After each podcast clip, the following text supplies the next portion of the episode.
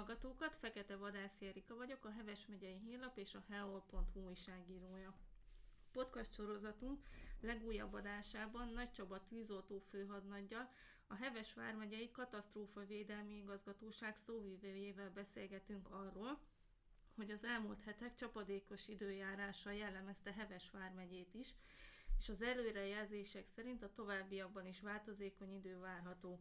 Viszont amikor az időjárás szárazabbra vált, akkor az megfelelő alkalom lehet arra, hogy ellenőrizzük a vízelvezetőket, azért, hogy felkészüljünk a következő évszakra, és az, és az utóbbi években egyre gyakoribbá váló hevesebb záporokra és zivatarokra. Üdvözöllek Csaba, köszönöm, hogy elfogadtad ismét a meghívásunkat, és légy szíves, akkor mesélj nekünk arról először is, hogy kinek a felelőssége a vízelvezető árkok tisztítása. Üdvözöllek, tisztelettel köszöntöm a kedves hallgatókat.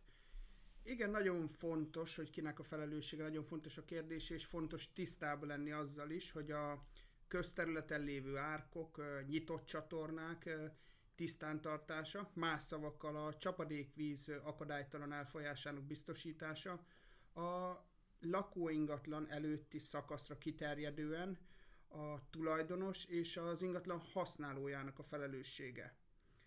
Amennyiben lehet a nyitott a csatornák befedését kerüljük, ezzel jellemzően még több problémát szoktunk okozni, hogyha ezt a, a csatornákat befedjük valamilyen módon is. Milyen problémák szoktak lenni az árkokkal? A legnagyobb probléma a szemetelés. Fontos, hogy a hulladékot ne a vízelvezető árokba helyezzük el, és az odasodort szemetet is távolítsuk el onnan. Ezeket a, kezeljük az újrahasznosítási lehetőségeinknek megfelelően. Sok helyen a, vannak sárga kukák, az újrahasznosítás megoldott, és bevihetjük a hulladékudvarra is az újrahasznosító tandószemetet. Nem elegendő az árkok rendszeres kaszálása, bár nagyon szükséges, az így keletkezett száraz növényzet maradványát is el kell távolítani onnan, és az átereszeket is ki kell tisztítani. Az átereszek karbantartása, tisztítása ugyancsak a tulajdonos vagy az ingatlan használójának a feladata. Akkor, hogyha jól értem, a vízelvezető árkokban a növények is akadályozhatják a víz elfolyását. Esetleg itt megoldás lehet, hogyha gyomírtót használunk? Így van, a, a túlburjánzott növényzet tud problémát okozni. Ö, nagyon sokszor az is problémát okoz viszont, hogy növényvédő szerekkel, vagy növény ö, gyomírtó szerekkel kezelik ezeket.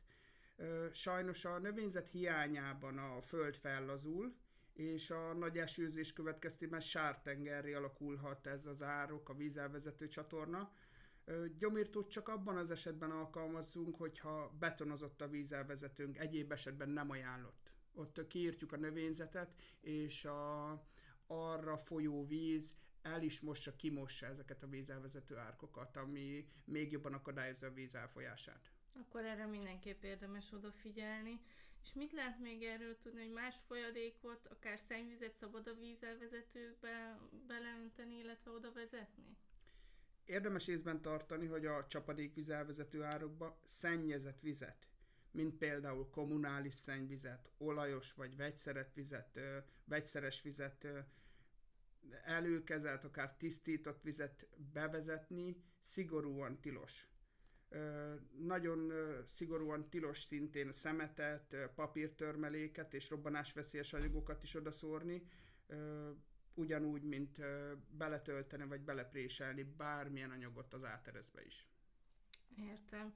És hogyha össze kellene foglalni, akkor mit mondanál arra, hogy összességében miért fontos, hogy tisztán tartsuk ezeket az árkokat, illetve mi a mi szerepünk ebben, milyen óvintézkedéseket tehetünk mi ennek érdekében? Gyakorlatilag a tisztítással ö, saját ingatlanunk biztonságáért is teszünk, és a közlekedőket és a gyalogos forgalmat is segítjük. A hirtelen lezúdó nagy mennyiségű csapadék után vagy esősebb napokat követően érdemes ellenőrizni a csatornákat és az árkok átjárhatóságát.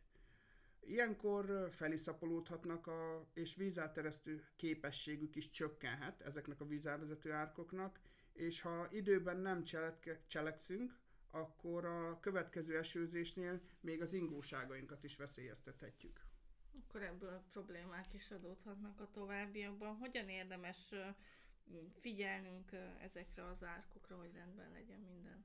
ahhoz, hogy rendben legyen minden, rendszeres karbantartás szükséges, rendszeresen ellenőriznünk kell, amikor időnk és úgy adja, mindenképpen erre figyelni kell. A tisztítási munkátokat időzíthetjük az időjárási előjelz, előrejelzéseknek megfelelően. Ha a met.hu-n követjük az időjárás előrejelzést, akkor tudjuk, hogy mikor várható eső, és mikor van olyan szárazabb időszak, amikor ezeket a munkálatokat megtegy, meg tudjuk tenni.